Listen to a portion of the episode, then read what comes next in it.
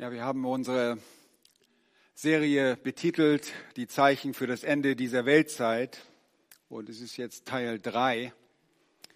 Wir erinnern uns nur kurz, dass der Jesus Christus am Ende eines langen Lehrtages im Tempel nun mit seinen Jüngern zusammen auf dem Ölberg sitzt gegenüber dem Tempelberg und er beantwortet ihre Fragen, nachdem er ihnen gesagt hatte, dass keines der Steine, die zu diesen Gebäuden gehörte, auf dem, zu diesen monumentalen Gebäuden auf dem Tempelberg mehr stehen bleiben würde, keine der Steine über dem anderen bleiben würde. Und das löste in den Jüngern die Frage aus, wann würde das geschehen? Was würde das Zeichen sein für die Vollendung? Und damit meinten sie auch das Zeichen für seine Ankunft, seine Parosie, seine, seine Gegenwart. Und Jesus nimmt die Zeit und er hält eine lange Rede dort an diesem Abend, vielleicht beim Sonnenuntergang. Vielleicht ist die Sonne auch schon untergegangen, spielt auch keine Rolle, aber es ist ein langer Tag und er hört nicht auf zu lehren. Und er lehrte dort in den Versen, dass die Dinge, die geschehen werden, zunächst erst einmal nur Anfänge der Wehen sein würden und dass diese Wehen der Endzeit, in denen wir nicht stecken heute, sondern in denen einst diese Generation stecken wird, von der er redet, dass diese Wehen eine ganz besondere Achtsamkeit von den Auserwählten fordern wird. Achtsamkeit in Bezug auf Verführung, Achtsamkeit dabei, dass man nicht vor lauter Kriegsgeschrei und Kriegen meint, das Ende wäre schon gekommen. Achtsamkeit dabei, dass man nicht verzweifelt, wenn Erdbeben und Hungersnöte auftreten, so wie wenn eine weltweite Verfolgung ausbricht. Und damit haben wir letztes Mal begonnen mit den Versen fünf bis neun und wir setzen heute fort den zweiten Teil dazu. Es geht um den bleibenden Trost inmitten der Anfangswehen von Verfolgung. Die Verse 10 bis 13. Der bleibende Trost inmitten der Anfangswehen von Verfolgung. Und ich lese den Text ab Vers 9, Kapitel 13 und ab Vers 9. Ihr aber habt Acht auf euch selbst denn sie werden euch den Gerichten und den Synagogen ausliefern, ihr werdet geschlagen werden und man wird euch vor Fürsten und Könige stellen, um meinetwillen ihnen zum Zeugnis. Also ein Hinweis darauf, dass es Verfolgung sowohl aus heidnischen Lagern sowie, als auch aus jüdischem Lager geben wird, damit die Auserwählten ein Zeugnis sind den Fürsten und Königen, den Monarchen oder auch anderen Regierungsformen. Vers 10. Und allen Heidenvölkern muss zuvor das Evangelium verkündigt werden. Wenn sie euch aber wegführen und ausliefern werden, so sorgt nicht im Voraus, was ihr reden sollt und überlegt es nicht vorher, sondern was euch zu jener Stunde gegeben wird, das redet. Denn nicht ihr seid es, die reden, sondern der Heilige Geist. Es wird aber auch ein Bruder den anderen zum Tode ausliefern und der Vater das Kind und Kinder werden sich gegen die Eltern erheben und werden sie töten helfen. Und ihr werdet von allen gehasst sein um meines Namens willen. Wer aber ausharrt bis ans Ende, der wird gerettet werden. Soweit der Text. Lass uns noch vor der Predigt zusammen beten. Herr, wir danken dir nochmals für dein wunderbares Wort, das du uns gegeben hast, dass wir auch einen Einblick erhalten dürfen in die Dinge, die auch die Jünger so sehr beschäftigte. Wann wirst du kommen? Was ist das Zeichen des Endes dieser Zeit? Herr, wir haben ein natürliches Interesse an all diesen Dingen. Wir sind neugierig und wollen wissen, was geschieht. Herr, wir wollen darüber erkennen, wie du bist, wer du bist und was deine Ziele, deine Absichten sind.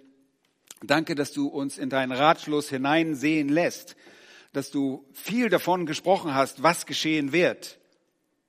Und Herr, auch wenn wir in einigen Dingen nicht dogmatisch sein können, so haben wir dennoch eine generelle äh, Idee davon, was geschehen wird, eine generelle Vorstellung von dem, was kommen wird. Und wir danken dir, dass dein Wort nicht undeutlich ist, sondern dass du unmissverständlich geredet hast. Wir preisen dich darüber und befehlen dir jetzt auch dieses Wort an und die Auslegung dazu, um deines Namens willen. Amen. Und die Verse 10 bis 13 setzen das Thema der Verfolgung in der Drangsalzeit fort. Und Jesus hatte damit in Vers 9 begonnen, ihnen zu sagen, was speziell auf die Auserwählten jener Tage als Kennzeichen des kommenden Endes, was also zuvor, vor seinem Kommen, vor seiner Erscheinung geschehen muss, geschieht. Und es wird erst Verfolgung geben und deshalb sprach er die Jünger als Repräsentanten der in der Ferne liegenden Drangsalzeit an. Ja, auch sie würden schon bald Verfolgung erleben und sofern wir wissen, wurden auch alle Jünger in der Verfolgung getötet, bis auf den Apostel Johannes, der am Ende seines Dienstes auf die Insel Patmos verbannt wurde. Die Apostel wurden auch geschlagen, so wie wir in Vers 9, wie er das dort sagte. Und ihr müsst nur die Begebenheiten in der Apostelgeschichte euch näher ansehen, in Kapitel 5. Dann seht ihr, dass sie dort Schläge erhalten, der Hohe Rat der Juden verteilt dort die Schläge an die Gesandten des Herrn Jesus Christus. Und wenn ihr dann noch ein paar Kapitel weitergeht in der Apostelgeschichte Kapitel 7, dann seht ihr die Steinigung des Stephanus in Kapitel 8, einer der Männer, die erwählt wurden, um bei den Tischen zu helfen, bei den vernachlässigten Witwen, der Versorgung der Witwen war Stephanus und er wird getötet. Kapitel 8 dann die Verfolgung auch der Gemeinde in Jerusalem und überhaupt die Misshandlung der Gemeinde. Kapitel 12, so wie dort in Vers 2 die Ermordung des Apostel Jakobus durch König Agrippa I. Jede Verfolgung um Christi willen ist eine harte und wirkt zunächst wie ein Dämpfer.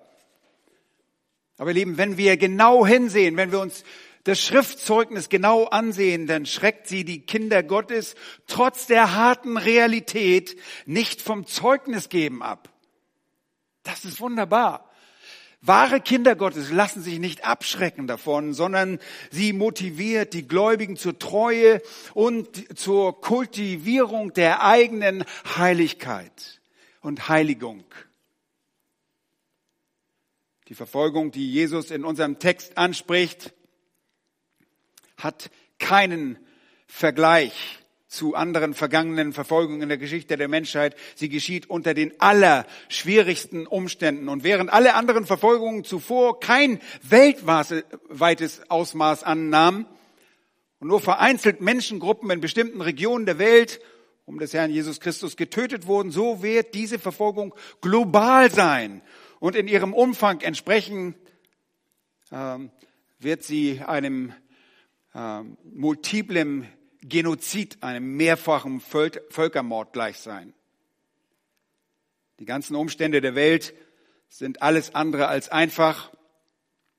Hungersnöte, Erdbeben, die Pest, Gefahren sogar durch wilde Tiere lesen wir.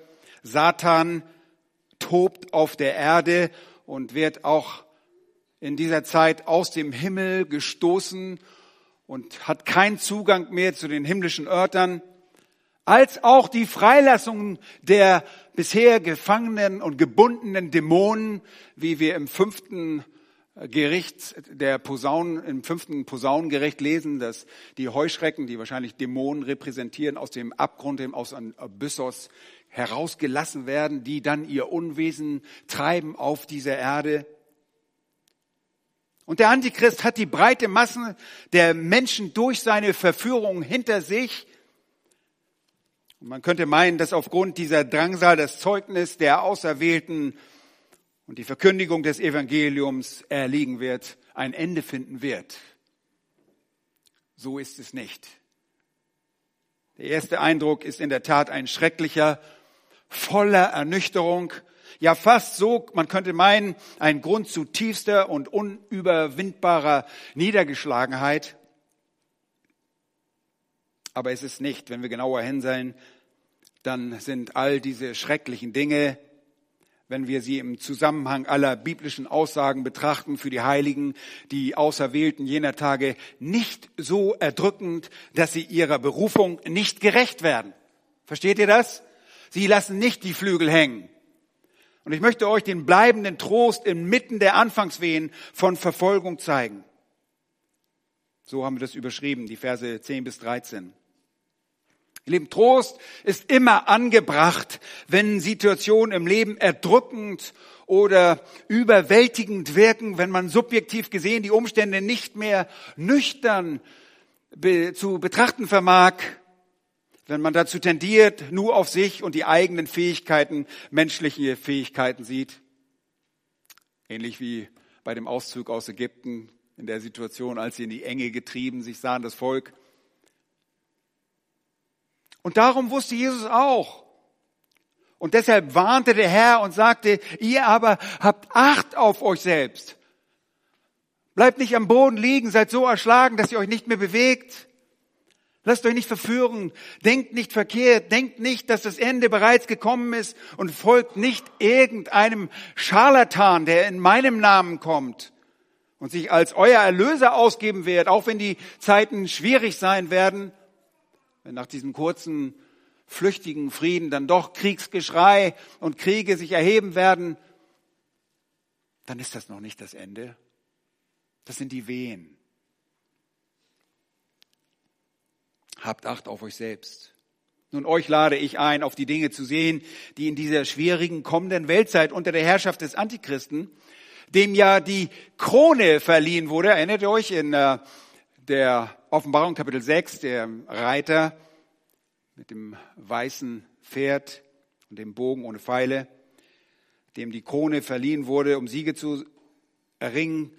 Wir wollen sehen, was geschehen wird. Der erste Trost ist, dass trotz der grassierenden Verfolgung das Evangelium unter allen Nationen verkündigt werden wird. Was für eine wunderbare Aussage. Ihr Lieben, das können wir von unserer Zeit nicht sagen. Der erste Punkt, die Verkündigung des Evangeliums unter allen Nationen, das ist ein trostes Wort. Vers 10. Und unter allen Heiden, Völkern muss zuvor das Wort Protos erst als erstes, muss zuvor das Evangelium verkündigt werden, bevor das Ende kommt. Das Ende kann noch nicht da sein, weil das Evangelium noch nicht allen Völkern verkündigt worden ist. Jesus kann noch nicht wiederkommen, weil das Evangelium noch nicht verkündigt worden ist unter allen Völkern. Unglaublich und doch wahr. Es wird überall verkündigt. Wie kann es sein, dass das Evangelium in der Drangsal noch weiterhin verkündigt wird? Steht nicht die Entrückung der Gemeinde das Ende aller Bußmöglichkeiten dar? Ist nicht mit ihr das Ende gekommen und somit die Ankunft des Herrn das nächste Ereignis, bei der Gott die, die Sünder richten wird?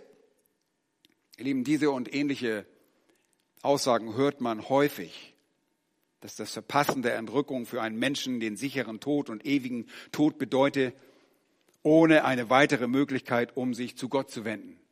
Dem ist nicht so. Nun, es ist nie in der menschlichen Hand, sich zu bekehren, ist immer Gottes Werk. Aber Gott wird immer noch Gnade schenken. Und woher kommen diese Dinge? Auf welcher Grundlage werden solche Aussagen gemacht, dass Leute sagen, es ist vorbei? Es ist tatsächlich nicht so, wie gerade beschrieben, denn Jesus sagt, dass das Ende noch nicht gekommen ist. Bevor das Ende, das auch das Ende der Buße darstellt, kommt, muss zuvor das Evangelium, die gute Nachricht von Jesus Christus, von Jesu Christu Tod, seiner Auferstehung, seiner Himmelfahrt, seiner ewigen Erlösung verkündigt werden. Und zwar wo? Und wem? Unter allen Heidenvölkern. Allen Nationen dieser Welt. Und das gleichbleibende Evangelium, ihr Lieben, das wurde bis zum heutigen Tag noch nicht allen Nationen verkündigt. Ist uns das überhaupt bewusst? Und deshalb ist es auch gut von uns, wenn wir Menschen aussenden in alle Welt, um das Evangelium zu verkündigen. Weil es immer noch Stämme und Völker gibt, die das Evangelium nie gehört haben. Es gibt immer noch unerreichte Völker, Stämme von Menschen, die das Evangelium und die Bibel nicht übersetzt wurden und die folglich auch nicht das Evangelium gehört haben. Das Evangelium bleibt die wichtigste Botschaft in der gesamten Drangsalzeit und das, obwohl dann die allermeisten, die zum Glauben kommen werden, als Märtyrer sterben und die Mehrzahl der Erdenbewohner sich dem Antichristen verschreiben werden. In der zweiten Hälfte der Drangsal werden zu den Gläubigen der ersten Drangsalhälfte lebende Menschen, ganz besondere Zeugen, dazukommen, die als Voraussetzung für das Ende der Weltzeit und das Kommen des Menschensohnes von Gott gesandt auftreten werden. Und sie werden das Evangelium verkünden, ihr Leben so, wie es zuvor jedes Kind Gottes getan hat. Ein Kind Gottes ist ein Verkündiger des Evangeliums. Wenn das nicht der Fall ist, müssen wir unseren Glauben in Frage stellen. Nun, diejenigen, die Gott senden wird, werden das auf eine einzigartige Weise tun und dabei auch einen einzigartigen Schutz erleben, denn es sind ganz besondere Zeichen. Und die besonderen Zeugen sind notwendig, damit das Evangelium von Jesus Christus unter allen Nationen verkündigt wird und alle Menschen an allen Enden der Erde die gute Nachricht hören werden. Und diese kommende Realität der Evangeliumsverkündigung dient schon jetzt, so wie auch künftig als ein Trost inmitten der Anfangswehen und reicht bis in die Hälfte der Drangsal, der großen Drangsal hinein, in die zweite Hälfte. Wer sind diese Zeugen? die Gott erwecken wird, speziell. Nun, zum einen kommen Menschen zum Glauben. Und nachdem alle zunächst erstmal alle Gläubigen entrückt worden sind, müssen wir davon ausgehen, dass hier Junggläubige sind, dass Leute zum Glauben kommen werden in der Drangsalzeit. Und dabei gibt es eine Gruppe von Menschen, die aufgeführt werden zwischen dem sechsten und siebten Siegel in der Offenbarung. Und das sind die äh, in Kapitel 7 die 144.000 Juden aus den zwölf Stämmen Israels. Und sie begegnen uns dann noch später in Kapitel 14. Bitte geht einmal zu diesem Text in der Offenbarung Kapitel 7 und äh, dort seht ihr diese Gruppe nochmals. Zwischen dem sechsten und siebten Siegel gibt es eine, einen Einschub und dort sieht Johannes äh, gerade diese Gruppe von Menschen. Und ich heißt es da, äh, ich lese von Vers 1 in Kapitel 7. Und danach sah ich vier Engel an den vier Enden der Erde stehen. Die hielten die vier Winde der Erde fest, dass kein Wind wehe über die Erde, noch über das Meer, noch über irgendeinen Baum. Und ich sah einen anderen Engel, der vom Sonnenaufgang herabstieg. Der hatte das Siegel des lebendigen Gottes und er rief mit lauter Stimme den vier Engeln zu, denen es gegeben war, der Erde und dem Meer Schaden zuzufügen. Und er sprach, schädigt die Erde nicht, noch das Meer, noch die Bäume, bis wir die Sklaven unseres Gottes an ihren Stirnen versiegelt haben. Und ich hörte die Zahl der Versiegelten, 144.000 Versiegelte aus allen Stämmen der Kinder Israels. Und jetzt werden diese Stämme aufgeführt. Ähm, ich möchte nicht näher dazu eingehen, aber hier ist zum Beispiel der Stamm Dan nicht erwähnt, aber dafür Josef und Levi. Ähm, aber hier sehen wir versiegelte. Die Sklaven sollen versiegelt werden. Und die automatisch die Frage kommt, was bedeutet diese Versiegelung? Und das haben sich die Ausleger der Schrift immer wieder gefragt, was es bedeutet. Und wenn wir dann zu Kapitel 14 gehen, also ein paar Kapitel weiter, in Kapitel 14, dann lesen wir, und ich sah und siehe, das Lamm stand auf dem Berg Zion und mit ihm 144.000. Und wer redet noch von den 144.000? Die Zeugen Jehovas. Die sind völlig durcheinander. Aber hier sind es 144.000, 12.000 aus jedem Stamm. 12 mal 12 ist leicht zu merken und drei Nullen dahinter. 144.000 machen diese Knechte, diese Sklaven aus. Sie trugen den Namen seines Vaters auf ihren Stirn geschrieben. Im Gegensatz zu denen, die die Namen des, des Zeichen des Biestes an ihren, des Tieres an ihren Stirn hatten, tragen sie als Versiegelung auch den Namen seines Vaters, des Lammes, an ihren Stirn. Und ich hörte eine Stimme aus dem Himmel wie die Stimme vieler Wasser und wie die Stimme eines starken Donners. Und ich hörte die Stimme von Hafenspielern, die auf ihren Hafen spielten. Und sie sangen wie ein neues Lied vor dem Thron und vor den lebendigen Wesen, vier lebendigen Wesen und den Ältesten. Und niemand konnte das Lied lernen als nur die 144.000, die erkauft worden waren von der Erde. Diese sind es, die sich mit Frauen nicht befleckt haben, denn sie sind jungfräulich. Diese sind es, die dem Lamm nachfolgen, wohin es auch geht.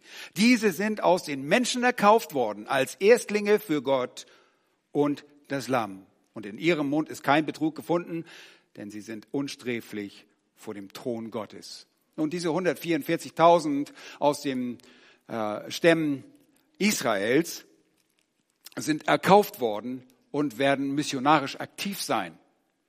Und die Versiegelung bezieht sich höchstwahrscheinlich auf einen Schutz, bis sie diesen Auftrag erfüllt haben, bis sie diesen zu Ende gebracht haben. Persönlich glaube ich, dass sie am Ende sterben werden.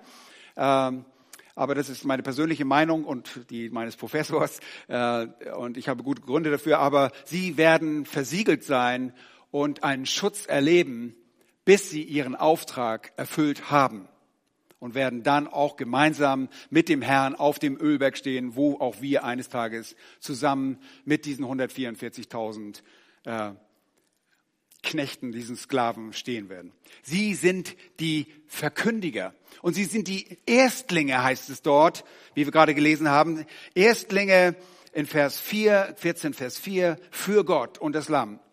Und die Erstlinge sprechen immer noch davon, dass auch noch welche nachkommen werden. Und wir wissen, dass eines Tages ganz Israel, sie sind die erste Erstlinge des Volkes Israels und eines Tages am Ende der Drangsal, der großen Drangsalzeit, wird ganz Israel ihn erkennen. Wie auch Römer 11 uns deutlich vor Augen führt, wird ganz Israel gerettet werden. Eine wunderbare Ermutigung, dass es in dieser Zeit Evangelisten geben wird, denen man nicht an die Gurgel springen kann, die man nicht beseitigen kann, sondern sie werden freimütig das Evangelium verkündigen. Ferner finden wir in Kapitel 11 der Offenbarung noch ein wunderbares, äh, einen wunderbaren Hinweis davon, wer verkündigen wird. Und zwar sind dort die zwei Zeugen, die zwei Zeugen der Offenbarung. Ich lese auch dort Kapitel 11 Offenbarung. Und sie werden im Einschub zwischen der sechsten und der siebten Posaune erwähnt. Schlag das bitte einfach mal auf, um zu sehen, wie Gott sie einsetzt, um das Evangelium zu verkündigen. Und da heißt es, und mir wurde eine Messroute gegeben, gleich einem Stab, und der Engel stand da und sagte, mache dich auf und miss den Tempel Gottes samt dem Altar und die, welche darin anbeten. Aber den Vorhof, der außerhalb des Tempels ist, lass aus und miss nicht. Denn er ist den Heidenvölkern übergeben worden und sie werden die heilige Stadt zertreten, 42 Monate lang. Und ich will meinen zwei Zeugen geben, dass sie Weissagen werden, 1260 Tage lang, bekleidet mit Sacktuch. Und 1260 Tage sind genau diese 42 Monate, sind die dreieinhalb Jahre, bezieht sich auf die zweite Hälfte der Trübsalzeit, die 70. Jahrwoche Daniels, von der Daniel, der Prophet Daniel sagte, dass sie noch aussteht.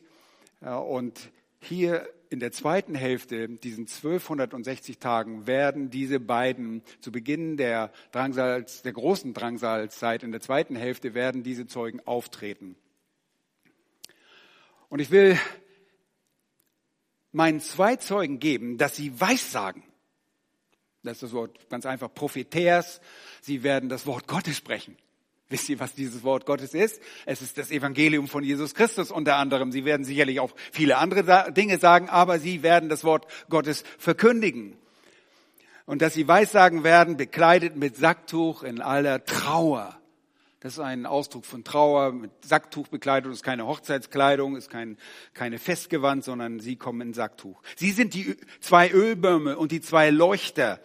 Steht auch für, für das Lichtsein, für die Fruchtbarkeit, aber auch für das, für das Lichtsein. Aus Ölbäumen gewinnt man Olivenöl und daraus wurde normalerweise Brennstoff hergestellt. Die zwei Leuchter, die vor dem Gott der Erde stehen. Und wenn jemand ihnen Schaden zufügen will, geht Feuer aus ihrem Mund heraus und er verzehrt ihre Feinde. Könnt ihr euch das vorstellen? Das wäre doch ein Mittel. Stellt euch vor, jemand will euch an die Kandare und ihr macht euren Mund auf und das, äh, ihr speit Feuer. Wenn jemand ihnen Schaden zuführen, muss er so getötet werden. Diese haben Vollmacht, den Himmel zu verschließen, damit kein Regen fällt in den Tagen ihrer Weissagung. Und das erinnert ein bisschen an den Propheten Elia. Und dann haben sie Vollmacht über die Gewässer, sie in Blut zu verwandeln und die Erde zu schlagen mit jeder Plage, so oft sie wollen. Das erinnert ein wenig an Mose. Und äh, viele Theologen glauben auch, dass Elia und Mose auftreten werden. Andere sagen Henoch, weil Henoch nicht gestorben ist. Aber wir können es nicht dogmatisch, dogmatisch festlegen. Möglich ist es, dass diese Mose und Elia sind, die auftreten werden hier an dieser Stelle. Ihnen wird Vollmacht gegeben über die Gewässer und sie zu verwandeln in Blut. So oft sie wollen, können sie schlagen mit jeder Plage. Das ist der Schutz, den diese Zeugen besitzen. Und wenn sie ihr Zeugnis vollendet haben, wird das Tier, das aus dem Abgrund heraussteigt, mit ihnen Krieg führen und sie überwinden und sie töten. Oh, doch nicht geschützt? Nun, dem Antichrist wird diese Vollmacht gegeben, sie zu töten, aber hört genau zu, ihre Leichname werden auf der Straße der großen Stadt liegen, die im geistlichen Sinn Sodom und Ägypten heißt, wo auch unser Herr gekreuzigt worden ist. Schwer herauszufinden, was es ist. Jerusalem. Ähm, und viele aus den Völkern und Stämmen und Sprachen und Nationen werden ihre Leichname sehen. Dreieinhalb Tage lang. Und sie werden nicht zulassen, dass ihre Leichname in Gräber gelegt werden und die auf der Erde wohnen, werden sich über sie freuen und frohlocken und werden einander Geschenke schicken, weil diese zwei Propheten diejenigen gequält hatten, die auf der Erde wohnen. Und nach den dreieinhalb Tagen kam der Geist des Lebens aus Gott in sie und sie stellten sich auf ihre Füße. Und eine große Furcht überfiel die, welche sie sahen. Und sie hörten eine laute Stimme aus dem Himmel, die zu ihnen sprach, steigt hier herauf. Da stiegen sie in der Wolke in den Himmel hinauf und ihre Feinde sahen sie. Und zur selben Stunde entstand ein großes Erdbeben und der zehnte Teil der Stadt fiel. Und es wurden in dem Erdbeben 7000 Menschen getötet. Äh, das ist auch leicht zu berechnen. Ein zehnter Teil 70.000. Es bleiben 63.000 äh, übrig. Und die übrigen wurden voll Furcht und gaben dem Gott des Himmels die Ehre. Allein diese Dinge überzeugen die in der Stadt wohnenden Juden, äh, die dort sind, in Jerusalem wohnenden und kommen zum Glauben. Lieben, das ist eine Ermutigung inmitten dieser Wehen, inmitten der Dinge, die jetzt geschehen. Und dann kommt etwas ganz Besonderes und so kann nur der Auftrag erfüllt werden, das Evangelium äh, an jede, zu jeder Nation zu bringen. Und das ist Kapitel 14, die Verse 6 und 7, ein Engel. Ein Engel. Ein Engel wird das Evangelium verkündigen. Johannes 14 haben wir zunächst die Erkauften gesehen, die 144, aber dann ab Vers 6 lesen wir, sah Johannes einen anderen Engel, so unterschied sich von den Engeln in Kapitel 12, inmitten des Himmels fliegen. Er fliegt durch die Luft und ist somit auch unantastbar für die Feinde.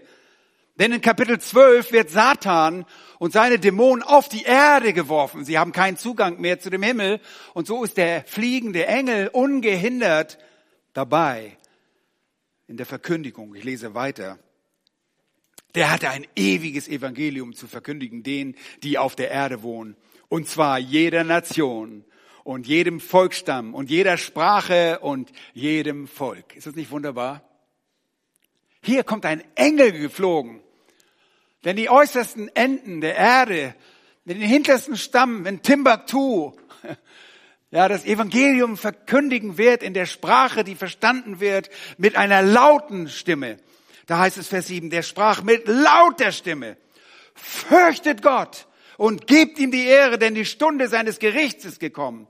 Und betet den an, der den Himmel und die Erde und das Meer und die Wasserquellen gemacht hat. Hier ist keine Evangeliumsverkündigung mit einer Einladung gleichzusetzen, kommt und ladet Jesus in euer Herzen ein. Nein, hier verkündigt er einfach, betet an, fürchtet Gott. Im Alten Testament wird das mit Bekehrung gleichgesetzt. Wer Gott fürchtet, der glaubt an Gott. Der Herrn Furcht, Jahwes Furcht ist Anfang der Erkenntnis. Wer Gott fürchtet, der liebt ihn, der kennt ihn. Und so kommt dieser Engel geflogen am Himmel. In dieser Drangsalzeit, in diesen Drangsalen inmitten von Verfolgung und allem, was dort vor sich geht, in diesem Getobe auf Erden, nachdem auch in ja, der fünften Posaune, ich sagte ja schon, die, der Abyss, der Abgrund geöffnet wurden und Heuschrecken hervorkommen, die wahrscheinlich diese Dämonen repräsentieren und und die ihr Unwesen hier auf dieser Erde treiben, so wie auch Satan, der auf die Erde geworfen wird in Kapitel 12 und weiß, dass er jetzt nur noch wenig Zeit hat. Was geschieht trotzdem?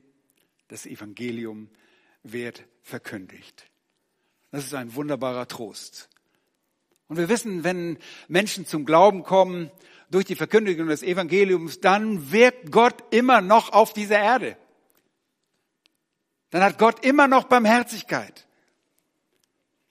Aber der Trost besteht nicht nur darin, dass das Evangelium allen Nationen verkündigt werden wird, sondern auch darin, dass die Auserwählten in dieser Zeit bei ihren Gerichtsverhandlungen um Christi willen durch Gott selbst vertreten werden. Der Heilige Geist wirkt unter ihnen als Beistand. Zweiter Punkt, der Beistand des Heiligen Geistes für die Auserwählten. Der Beistand des Heiligen Geistes für die Auserwählten. Vers 11. Wenn sie euch aber wegführen und ausliefern werden, so sorgt nicht im Voraus, was ihr reden sollt. Und überlegt es nicht vorher, sondern was euch zu jener Stunde gegeben wird, das redet. Denn nicht ihr seid es, die reden, sondern der Heilige Geist. Und diese Dinge waren und sind so wichtig, dass Jesus sie bereits zuvor lehrte und in einem allgemeinen Sinn und anderen Verfolgung Anwendung haben darf. Wir finden die fast identischen Worte in Matthäus Kapitel 10 und Vers 17. Matthäus Kapitel 10 und ich lese dort ab Vers 17.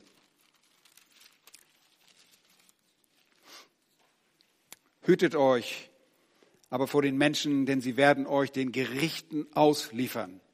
Und in ihren Synagogen werden sie euch geiseln. Hört sich an wie genau diese Worte. Auch vor Fürsten und Könige wird man euch führen, um meinetwillen, ihnen und den Heiden zum Zeugnis. Wenn sie euch aber ausliefern, so sorgt euch nicht darum, wie oder was ihr reden sollt, denn es wird euch in jener Stunde gegeben werden, was ihr reden sollt.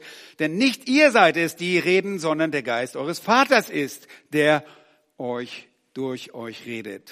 Lukas 12 und Vers 11. Ebenso, wenn sie euch aber vor die Synagogen und vor die Fürsten und Obrigkeiten führen, so sorgt nicht, wie oder womit ihr euch verteidigen oder was ihr sagen sollt, denn der Heilige Geist wird euch in derselben Stunde lehren, was ihr sagen sollt.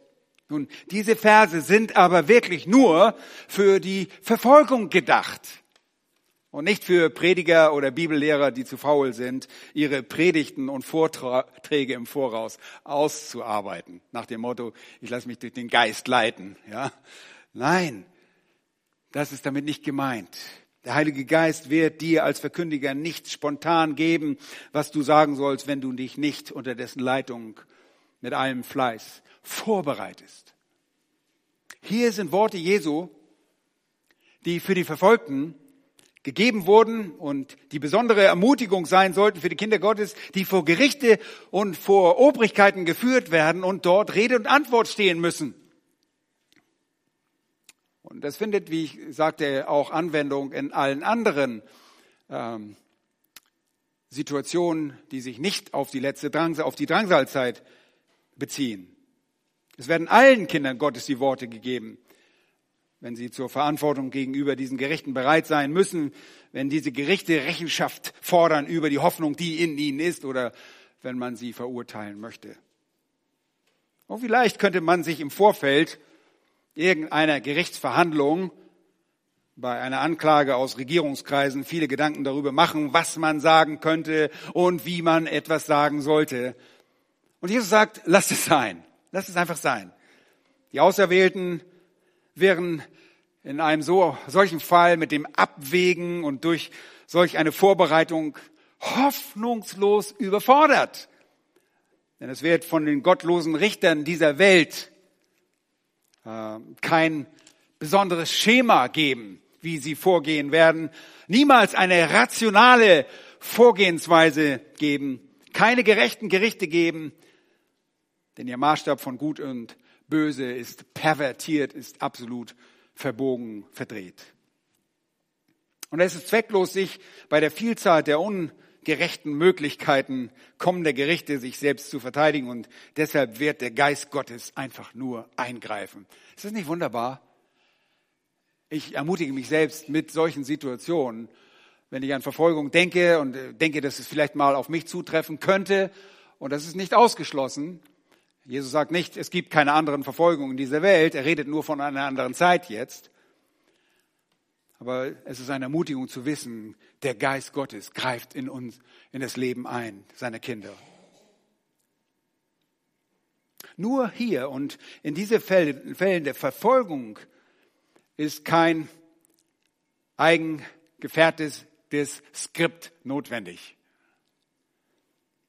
Jesus sagte, sorgt nichts im Voraus, wenn ihr reden, was ihr reden sollt und überlegt es nicht vorher, sondern was euch zu jener Stunde, in diesem Moment gegeben wird, wann, wenn ihr diesen Leuten gegenübersteht, das redet. Redet dann. Und der Heilige Geist wird die Worte jener Auserwählten Gottes geben. Er wird der Wortgeber sein und die Worte werden aus diesem Grund immer passen, immer korrekt sein. Und ob ein Kind in dem Fall nun eine sprachgewandte Person ist oder ein Stotterer, der Herr wird die richtigen Worte zum richtigen Moment geben. Und das sollte uns alle ermutigen. Und die Quelle der Worte wird der Heilige Geist selbst sein, Gott selbst sein, der schon zuvor in der Geschichte seinen Willen sehr wohl ausdrücken konnte. Und gewiss wird er das auch tun, wenn du oder ich in solche Situationen geraten. Und er wird da sein, wenn in der Drangsalzeit die Gerechten der Hilfe bedürfen. Und sie werden der Hilfe bedürfen. Und das muss geschehen, bevor das Ende kommt. Und das ist ein wunderbarer Trost für alle Menschen, die sich in der Verfolgung ohnehin genügend andere Gedanken machen müssen. Stell dir vor, Hungersnöte, du hast eine Familie zu versorgen, du machst dir vielleicht andere Gedanken. Du musst dir keine Gedanken machen. Diese Person muss sich keine Gedanken machen, was sie reden soll. Der Herr zeigt den Jüngern an dieser Stelle, dass das Ende noch nicht gekommen ist. Auch wenn die Zeiten düster und schrecklich sein werden, es wird einen Trost in der Tatsache geben, dass das Evangelium allen Nationen verkündigt werden wird und dass diese künftige Verkündigung auch sehr wirksam sein wird und dass dem Evangelium geglaubt wird. Falls ihr das noch nicht gesehen habt, in dem zweiten Teil der, äh, des Kapitel 7 sehen wir die große Zahl derjenigen, die zum Glauben gekommen sind, die aus der Trübsal kommen, in, äh, aus den Nationen. Es ist eine sehr effektive Verkündigung des Evangeliums. Nun, die Verfolgten werden ferner die Tatsache vor Augen, wird ferner die Tatsache vor Augen gestellt, dass nicht sie, sondern der Heilige Geist während der kommenden Gerichtsverhandlungen oder an den Orten ihrer Verurteilung um Christi willen reden wird. Ein drittes sprach Jesus an, und das ist gewiss das Schönste an all diesen Dingen. Es ist die Tatsache, dass die Auserwählten zum Ziel gebracht werden und dass die Errettung ihnen nicht genommen werden kann, genommen werden kann, egal was die äußeren Umstände sein werden. Drittens das Ausharren der um Christi willen Verhassten. Die, das Ausharren der um Christi willen Verhassten. Verse 12 und 13 heißt, sagt er, es wird aber ein Bruder den anderen zum Tode ausliefern und der Vater das Kind. Und Kinder werden sich gegen die Eltern erheben und werden sie töten helfen und ihr werdet von allen gehasst sein um meines Namens willen. Wer aber ausharrt bis ans Ende, der wird gerettet werden. Nun, diese beiden Verse zeigen eine sehr traurige Realität an. Auf der einen Seite die Verfolgung, wie sie in der Drangsalzeit existieren wird, wird genauso schrecklich sein wie auch übrige Erfolgungs Verfolgungsereignisse.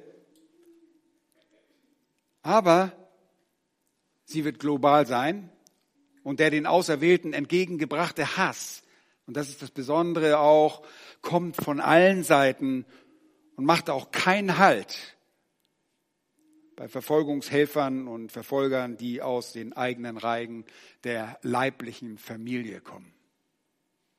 Und ihr Lieben, verdächtigt euch jetzt nicht schon heute einander. Äh, hier ist von der Endzeit die Rede, bitte. Und diese Dinge sind für ein Kind Gottes oft auch sehr schwierig, besonders wenn man die eigene Familie gegen sich hat, es fällt uns heute schon sehr, sehr schwer, von der eigenen Familie um Christi willen verachtet zu werden. Solche von euch, die Familienglieder haben, die nicht gläubig sind oder einfach nur religiös sind, haben es oft schwer im Umgang mit dem eigenen Fleisch und Blut. Und das erste Mal, als mir das begegnet war auf der Bibelschule, ich hatte einen ähm, Kollegen in der Bibelschule, einen Mitschüler, der war damals 16 Jahre, war der jüngste Bibelschüler, den wir dort hatten. Und er wurde enterbt, als er zur Bibelschule ging. Sein Vater hat gesagt, ich will dich hier nicht mehr sehen. Als er Christ wurde und dann auf die Bibelschule ging, wurde er enterbt. Und ihr könnt euch vorstellen, das nochmal zu vermehren und dann kommt es einfach dazu, dass wenn es Gelegenheit gibt, dann werden solche Leute ihre eigenen Kinder töten oder töten helfen. In der Endzeit intensiviert sich, intensiviert sich das und sie werden nicht selbst, nicht nur selbst, sondern sie werden helfen, dass die Gläubigen jener Zeit getötet werden. Einige Menschen erleben das heute schon in Ländern der Christenverfolgung, aber dann wird es ein globales Phänomen sein. Und Jesus lehrte diese Tatsache aufgrund ihrer, Bedeutung auch mehrfach, so wie auch in Matthäus 10, Vers 17, was ich gerade auch schon gelesen hatte. Aber da lese ich mal weiter in Vers 21, Matthäus 10, 21. Es wird er aber auch ein Bruder den anderen zum Tode ausliefern und ein Vater sein Kind. Und Kinder werden sich gegen die Eltern erheben und werden sie töten helfen. Und ihr werdet von jedermann gehasst sein, um meines Namens willen. Aber auch hier, achtet mal drauf, wer aber ausharrt bis ans Ende, der wird gerettet werden. Und diese Worte sind auch in unserer Markus-Stelle genauso. Wer aushat bis ans Ende, der wird gerettet werden. Der Trost inmitten dieser trüben und traurigen Schreckenzeit des Hassens besteht darin, dass der Christ gerettet wird und sein Heil nicht verlieren wird. Egal in welcher Bedrängnis, in welchen Bedrängnissen und der Verfolgung die Auserwählten zu jener Zeit geraten werden, ob durch die Regierung oder durch die eigenen Hausgenossen der Christ, der nach dem Gesamtzeugnis der Schrift ein Überwinder ist, weil er mit dem Heiligen Geist versiegelt worden ist, kann nicht das Heil verlieren. Und so sagt Jesus in Vers 13, und ihr werdet von allen gehasst sein um meines Namens willen, wer aber ausharrt bis ans Ende, der wird gerettet werden. Und vielleicht stellst du dir heute die Frage, könnte ich in solch einer Verfolgung ausharren? Wenn das alles passiert, was du mir da gerade erzählt hast, wäre es möglich, in diesem Druck der Verfolgung, wäre es mir möglich, die, unter diesem Druck der Verfolgung standzuhalten? Und die Antwort ist, ja. Aber die Antwort ist nur dann ein Ja, wenn du wirklich ein Kind Gottes bist und in die Nachfolge des Herrn getreten bist. Wenn du jedoch nur ein Mitschwimmer bist oder ein unentschlossener religiöser Mensch, der die Christen momentan vielleicht ganz nett findet, aber nicht in die Nachfolge eingetreten ist, dann wirst du nicht nur nicht bestehen können, sondern dann wirst du möglicherweise auch zu denen gehören, die die eigenen Familienangehörigen mit töten helfen. Nun, das wahre Kind Gottes kann aus diesem Schriftwort den Worten Jesu Trost empfangen, denn es wird bis zum Äußersten, bis zum Tod ausharren. Das Ausharren der Heiligen ist immer wieder ein Punkt, auch in der Offenbarung. Gerade in Kapitel 14, dort in Vers 12. Das Ausharren der Heiligen ist etwas, was Gott bewirkt. Wir aus unserer eigenen Kraft würden keine Minute aushalten. Und das wahre Kind Gottes kann in der Drangsal aus diesem Schriftwort deshalb Trost gewinnen, weil Gott wirkt. Wie können wir schon heute von uns sagen, dass wir Gewissheit, mit Gewissheit ausharren? Nun, der Grund nochmals liegt in der Tatsache, dass ein wahres Kind Gottes ein Überwinder ist und das aufgrund der Stärke, die Gott uns verleiht. Und so wie wir gerade gelernt haben, dass der Heilige Geist vor Gerichten im Fall der Verfolgung um Christi willen wörtlich verbalen Beistand leistet, so wird er auch das Ausharren bewirken, wenn es darauf ankommt. Und auch wir in der Verfolgung bis zum Äußersten leiden müssen. Leute, das, das muss, muss uns alle ermutigen. Wir, die wir so schwach sind. Ja, ich habe vor so vielen anderen Sachen einfach bin ich so schwächlicher Mensch. Aber dann werden wir bestehen, weil Gott es bewirkt. Nicht, weil du so ein Hero bist oder so ein Held bist, sondern weil Gott der Held in dieser Geschichte ist. Und deshalb sei ihm allein auch die Ehre. Wer ausharrt bis zum Ende, der wird gerettet werden. Warum werden sie gerettet werden? Weil sie Kinder Gottes sind. Nun, von welchem Ende spricht Jesus hier? Das Ende der Weltzeit. Deshalb kannst du, du kannst nicht bis zum Ende ausharren. Du kannst bis zum Ende deines Todes ausharren, aber du kannst nicht bis zum Ende der Weltzeit ausharren. Das Ende der Weltzeit. Und wenn es sich hier um das, um Menschen dreht, die bis zum Ende der Weltzeit ausharren, muss es für Menschen gelten, die am Ende der Weltzeit leben. Stimmt? Das ist eigentlich logisch. Mit anderen Worten werden die Menschen, die diese Ereignisse durchleben, die diese Wehen durchstehen, und bis zu ihrem Ende und zum Ende der Weltzeit ausharren, errettet werden. Und wisst ihr, wenn sie getötet werden, und ihr sagt, was ist, wenn sie getötet werden, dann sind sie auch errettet. Dann sind sie vorzeitig errettet. Leute, glaubt doch nicht, wenn wir sterben, dass wir nicht errettet sind. Wie werden wir errettet? Durch den Glauben. Wer an den Sohn Gottes glaubt, der hat das Leben. Und das errettet uns. Wir glauben den, was Jesus Christus für uns getan hat. Und das ist eine augenblickliche Errettung und garantiert auch unsere endgültige Errettung, weil uns der Heilige Geist als Unterpfand gegeben worden ist und wir vereint worden sind mit Jesus Christus. Glaubt ihr, der Herr Jesus Christus wird seinen Leib irgendwo liegen lassen? Nein, das wird er nicht. Er wird ihn zu sich holen. Und das ist die Garantie dafür, dass wir alle, egal in welcher Form der Verfolgung wir auch sein mögen, ausharren werden bis zum Ende wenn das unser Tod ist. Aber das Ende, das hier angesprochen wird, ist das Ende der Weltzeitenende. Du und ich werden nicht zum Ende ausharren, denn wir glauben, dass die Entrückung diesem Ereignis vorausgeht. Und auch die Jünger harten nicht bis zum Ende aus, weil das Ende noch nicht da war. Und es geht in unserem Text darum, dass es das Ende der Weltzeit ist und Jesus spricht von Menschen, die genau all diese Dinge durchleben und bis zum Ende der Weltzeit ausharren. Und davon gibt es einige, wobei ich schon sagte, die meisten werden sterben. Es gibt einige, die versiegelt sind, wie die 144.000, aber selbst die zwei Zeugen werden sterben und wieder auferstehen. Aber nachdem wir auferstanden sind, sind wir sicher bis in alle Ewigkeit. Nun, Jesus redet also von diesen Menschen am Ende der Weltzeit. Und die Drangsal oder die Trübsal, die Menschen ereilen wird, wird eben jene Menschen ereilen, die zu einer Zeit am Leben sind, wo sie bis zum Ende dieser Weltzeit ausharren können. Wisst ihr, was am Ende steht? Nochmals Erlösung.